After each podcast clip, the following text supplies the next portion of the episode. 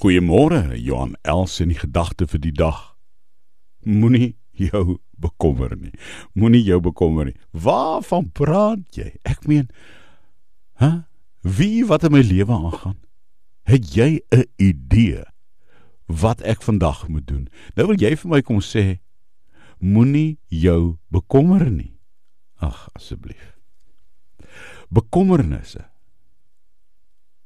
Natuurlik, dit almal stres. Natuurlik beleef almal onrus. Natuurlik is bekommernisse ding in elkeen se lewe. Maar moenie my woord vat nie. Hoor wat sê Jesus.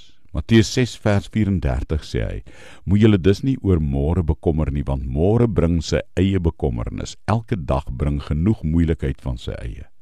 sê Jesus. Hey. Wat 'n woord. Jy weet wanneer ek hier lees, is dit nie 'n dominee of 'n pastoor wat iewers praat nie. Dis Jesus wat met sy disippels praat.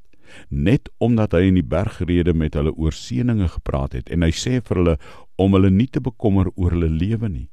Hierdie woorde laat 'n mens eintlik besef dat bekommernisse dikwels die oorsaak is van ongeloof en wantroue en wanhoop. En dan wil 'n mens vra, wat is dan die teenvoeter vir bekommernisse? Paulus se ekoklanke kom uit Filippense 4 vers 7 daar sê hy Die vrede van God wat alle verstand te bowe gaan sal oor julle gedagtes en harte die wag hou in Christus Jesus ons Here. Here Dankie dat U weet van elke bekommernis in my hart.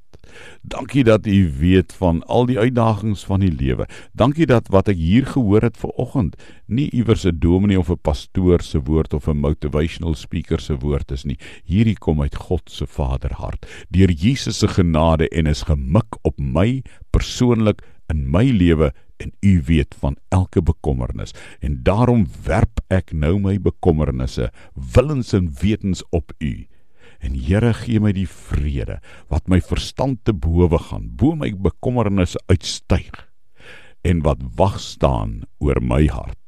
Dankie Here. Amen.